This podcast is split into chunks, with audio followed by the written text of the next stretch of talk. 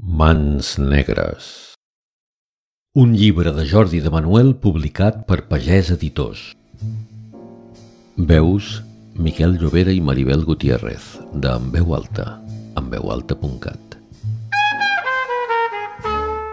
Sergiot es va tocar el lòbul de l'orella. Mirà fugaçment el reclús. Sempre havia assegurat que havia comès el crim empès per la venjança per un impuls irrefrenable d'aplicar la justícia. Estava estès sobre la catifa i duia els calçotets i una camisa. Feia estona que havia perdut l'atavió. Em vaig ajupir i li vaig observar els peus. Mai no m'havia donat que eren tan lletjos.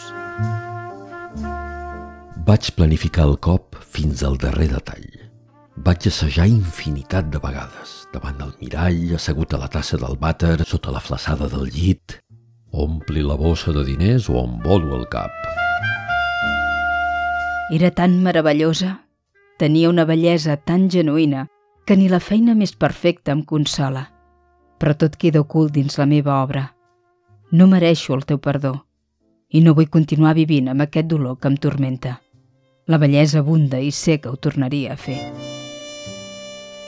Va ser aleshores, mentre comparava les dues firmes fent veure que remenava el calaix, quan va advertir sota la taula el puny tancat d'una mà de ferro amb els nusos emblanquits per la força amb què la tancava. 15 d'abril. Parlava com si sabés la veritat. Sé que pretenia ser amable, però volia saber què va passar.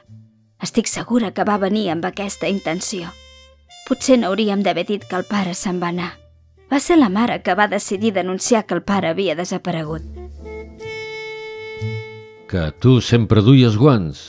Ah, que llest que ets, soci. Jo també acostumava a dur-los, saps? Sobretot per no embrutar-me. Però tot va anar molt de pressa. Pim-pam, ja m'entens. I saps què em va fer més ràbia?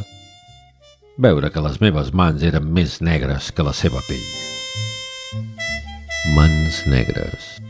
Un llibre prim, fibrós i punyent.